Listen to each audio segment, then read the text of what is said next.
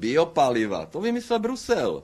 Ano, každý si může stěžovat. Řepka, to je výmysl Bruselu. A to je tak 10 let na zpátek. To jsou obnovitelné zdroje. Soláry. Dotovali jsme soláry, No a co se stalo? Všichni producenti solárních panelů v Evropě zkrachovali a vyrábí to Číňan. Pokud jste v posledních dnech viděli českou krajinu, asi jste si nemohli nevšimnout žlutých lánů a vyschlou půdu. Asi žádná jiná plodina pěstovaná v Česku totiž nevzbuzuje tolik emocí jako právě řepka. Ačkoliv její produkce u nás v posledních letech stagnuje, Česká republika se v podílu orné půdy osázené řepkou v Evropské unii dostala na první místo. Čím to je a opravdu se české zemědělství bez řepky neobejde? Budeme o tom mluvit v první části našeho speciálního vysílání o řepce. Dobrý poslech vám přeje Martin Matěj. Matějka. A já ještě připomenu, že jedním z největších výrobců biopaliv v Česku je firma Preol z holdingu Agrofert. Ten dřív patřil premiéru Andrej Babišovi z Hnutí Ano, ten ho ale v roce 2017 převedl do svěřenského fondu. Eh, proč opoziční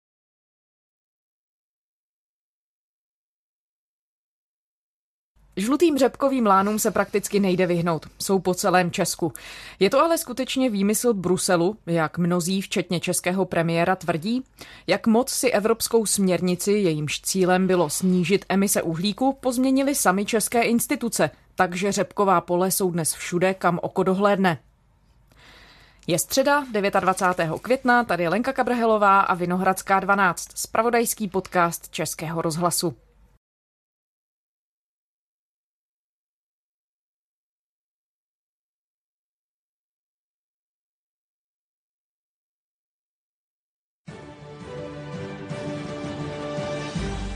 Svět zasáhla horečka biopaliv, která mají nahradit ropu, omezit emise skleníkových plynů a dát nové možnosti zemědělcům. Většinou se mluví o jejich přínosech. Biopaliva ale mají také řadu negativ. Jejich výroba je například velmi energeticky náročná. Více uslyšíte od kolegy Tomáše Metka.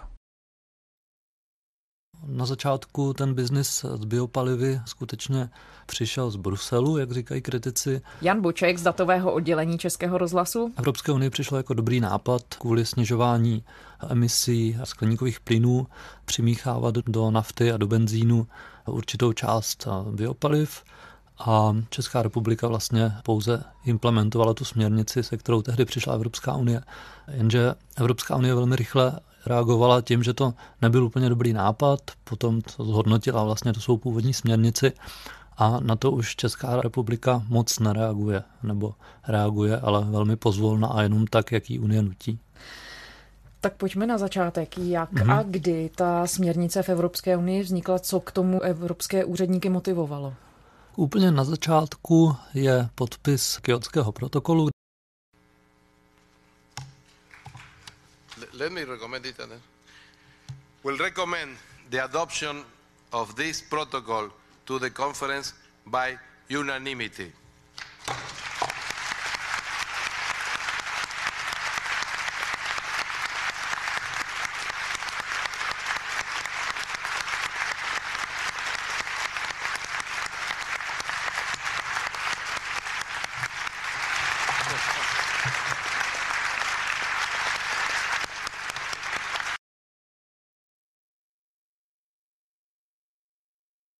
Kde se Evropská unie zavázala snižovat emise skleníkových plynů o nějakých 8%, to znamená proti roku 1990 do roku 2010 chtěla snížit svoje emise o těch 8% a tím, že asi třetinu emisí skleníkových plynů v Unii tvořila doprava, tak logicky první na ráně byly opatření v dopravě.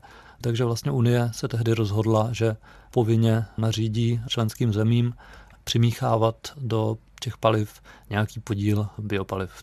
Ta první směrnice, která tady tohleto řešila, tak tu Unie schválila v roce 2003 a to právě říkala, že členské země mají do roku 2005 zavést povinně 2% biopaliv v motorové naftě a v motorovém benzínu a od roku 2010 to má být 5,75%. Česká pole se zbarvila do žluta. Zemědělci uvěřili vládě, že už letos prosadí zákon, na základě kterého se budou od září do pohoných hmot přimíchávat biopaliva. Jejich základem je právě řepkový olej. Poslanci novelu zákona o ochraně ovzduší přijali s platností od 1. září a navíc i s pozměňovacím návrhem, podle kterého ještě stoupne podíl biopaliv od roku 2009 ze stávajících dvou na 4,5% Řepka teď roste, kam se podíváte. Nebude to na úkor její ceny, nepůjde v případě nadprodukce její cena dolů. Na to se kolegyně Věra Masopustová ptala ministra zemědělství. Nebylo tam nikde řečené, že to má být řepka, ta biopaliva první generace, tak to je vlastně všechno, co se pěstuje. Je to většinou využití potravinářských plodin k výrobě paliv. Kromě řepky tam je třeba palmový olej, který řada evropských zemí právě v reakci na tu první směrnici přimíchávala do paliv, což samozřejmě způsobilo ještě větší škodu než třeba naše řepka. Česko implementovalo tuhle směrnici v zákoně o ochraně ovzduší z roku 2007 a zavedlo tam povinnost přimíchávat do benzínu 4,1% biopaliv a do nafty 6% biopaliv, což vlastně splňovalo tu podmínku těch 5,75% od roku 2010. Tady na tom zákoně je pěkně vidět, jak funguje takzvaný gold plating, neboli česky se to překládá pozlacování, ale to se moc nepoužívá kdy čeští poslanci prosadili přísnější normy, než chtěla Evropská unie. To znamená, třeba v roce 2009 pořád platilo to unijní nařízení o 2% přimíchávání do benzínu a do nafty. A my jsme si schválili právě těch 4 nebo 6% podle toho, jestli benzín nebo nafta. Navíc tím podle publikace, kterou se stavil tým právnické fakulty Univerzity Karlovy, byly spojené likvidační pokuty pro ty distributory nebo výrobce motorových paliv. Takže tohle je vlastně krásný příklad toho gold platingu, kdy jsme si schválili přísnější implementaci zákona, než po nás původně Evropa chtěla. Ona to asi nemusí být jenom negativní věc, co se týče třeba životního prostředí, že místní úřady jsou ještě přísnější v některých ohledech než třeba Brusel. Obecně goldplating asi jako není nutně negativní věc.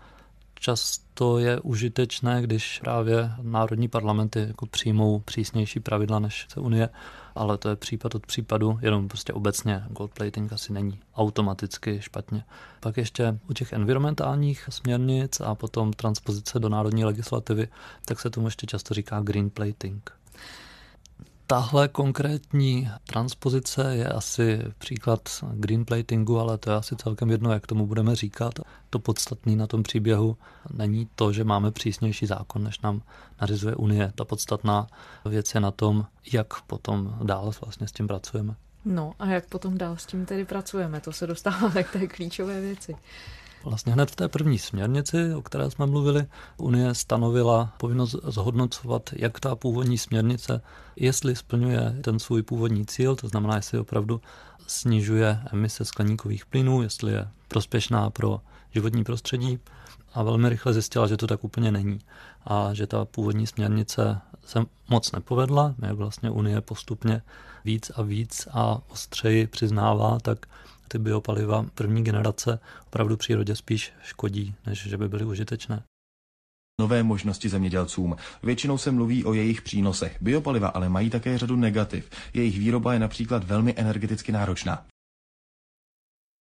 Podle některých výzkumů spotřebovává výroba a distribuce biopaliv často víc energie, než se z nich získá. Takže v roce 2009 přišla Unie s novou směrnicí, ve které reviduje ten původní cíl a stanoví vlastně dvě nové cesty, jak dosáhnout toho snižování emisí skleníkových plynů. Ta kritika říká, že jednak biopaliva první generace mají vyšší uhlíkovou stopu než ta paliva, která nahrazují, což je dost zásadní.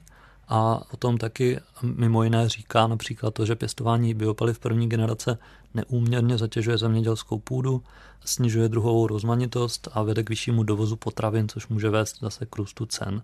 Takže opravdu drtivá kritika vlastní směrnice. A tím pádem v roce 2009 vlastně zavedla dvě nové cesty. Jedna říká, že všechny členské země musí do roku 2020 snížit emise v dopravě o 10 Jak to budou dělat, to je jejich věc. Samozřejmě biopaliva pořád asi budou hrát podstatnou roli, biopaliva první generace, ale těch alternativ je víc.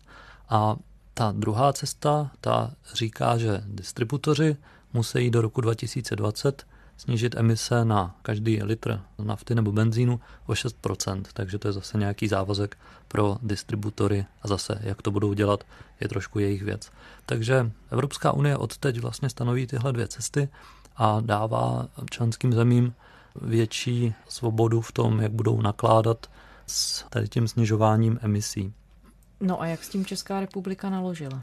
A tam právě se začínají rozcházet trošku ty cesty Evropské unie a České republiky nebo národních zákonů. Zatímco Evropská unie říká, dělejte to, jak chcete, podstatné je pro nás snížení o 10%, tak Česko dál v těch implementačních zákonech ponechává tu podmínku 4% biopaliv v benzínu a 6% biopaliv v naftě.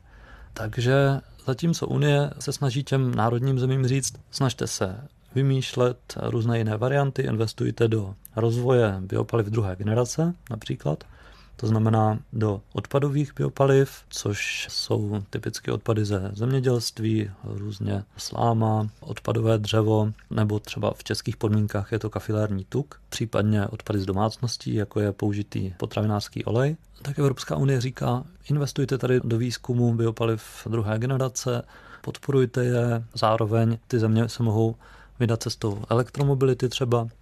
A Česko vlastně dál razí tu původní cestu z toho roku 2003, to znamená přimíchávejte pořád ty 4% nebo 6% do motorového benzínu nebo nafty.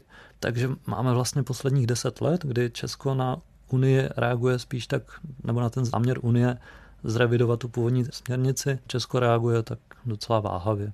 Čím to je? Asi se tady nabízejí dvě možná vysvětlení.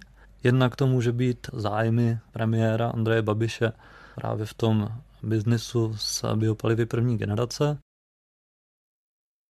Biopaliva první generace se u nás vyrábí hlavně z řepky. Největší producent je Agrofert, bývalá firma premiéra Andreje Babiše z Hnutí Ano. Babiš ani ministerstva s návrhem Pirátů nesouhlasí. Protože dvě firmy, které jsou ve svěřenském fondu pana premiéra od roku 2017, a to jsou firmy Preol a Primagra, tak stojí za většinou biopaliv první generace v Česku. Ale to je vlastně jenom jedna možná odpověď. Druhá, ta odpověď je, že Česko se vlastně nesnaží. Že Česko vlastně přijme ty směrnice z Unie tak, jak přicházejí a moc nás nezajímá, co bychom mohli udělat, spíš co musíme udělat. Takže jsme vlastně takový pragmatici a proti tomu ta Unie má nějakou vizi a snaží se ty národní země inspirovat k tomu, aby následovali tady tuhle tu vizi. Na jednu stranu ty vize jsou zřejmě jako příliš optimistické, na druhou stranu my jsme asi jako příliš pragmatičtí. Takže ta pravda mně přijde z toho, co jsem měl možnost načíst, diskutovat s experty a tak, tak mně přijde, že ta pravda je opravdu někde mezi, že jednak tom je do jisté míry zájem premiéra, jednak do jisté míry je to ten náš pragmatismus proti té unijní vizi. K čemu všemu, když se podíváme na Česko, to vede, že tu máme lány, řepky. Jaké důsledky to má? Vlastně tady ty obří lány, a nejenom řepky. Ostatně velká část biopaliv je z kukuřice a dalších plodin, není to jenom ta řepka. Tady ty velké lány škodí biodiverzitě, a jak ptákům, tak vlastně dalším, dalším druhům zvěře. Srnčí zvěř schání v zimním období potravu obtížně a řepka, kterou jsou osety velké plochy polí po celých Čechách, je pokušení, kterému není snadné odolat. Na následky otravy během zimy v průměru uhyne asi 10% srnčí zvěře. Myslivci si opakovaně stěžují, že lesní zvěř houfně umírá na následky spásání řepky. To je bohužel pravda. Ale ne proto, že by řepka byla tak jedovatá. Zemědělci ji bohatě hnojí a zalévají pesticidy, protože tím zvýší výnos až na dvojnásobek že situace je horší. Český hydrometeorologický ústav loni zkoumal 675 vrtů a pramenů, ze kterých skoro 90% překračovalo povolené limity látek v podzemních vodách.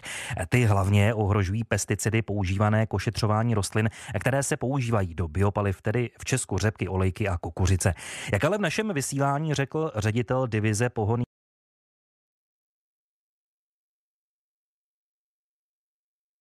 Je Česká republika jedinou zemí Evropské unie, která takhle masivním způsobem se pěstování řepky začala věnovat?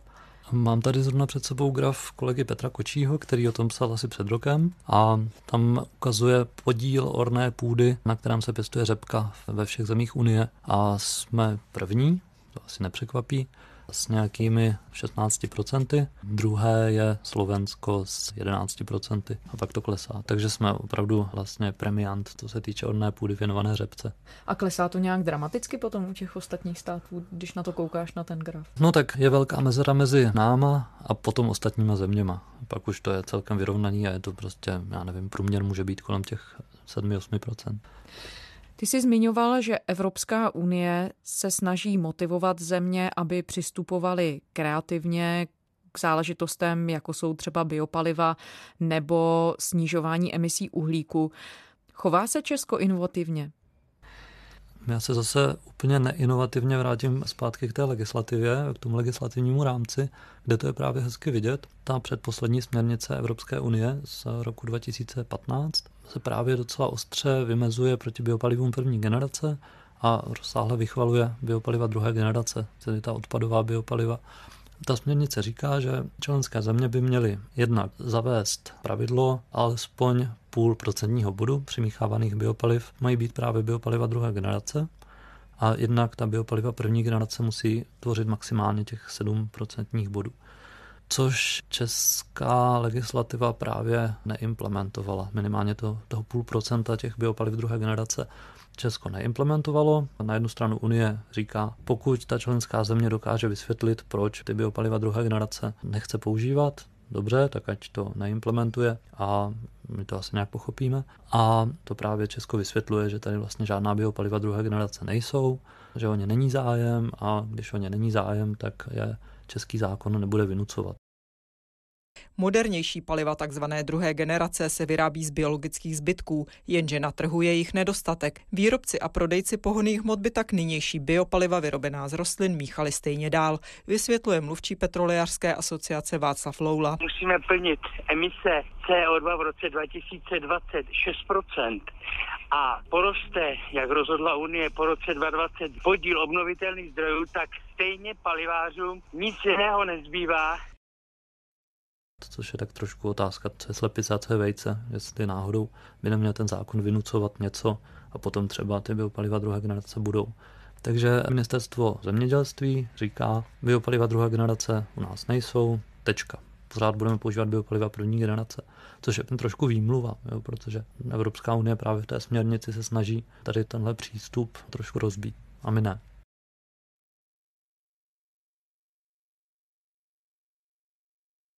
Jan Buček, datový žurnalista Českého rozhlasu. Děkujeme. Díky, hezký den. Taky pěkný den i vám všem, kteří nás posloucháte.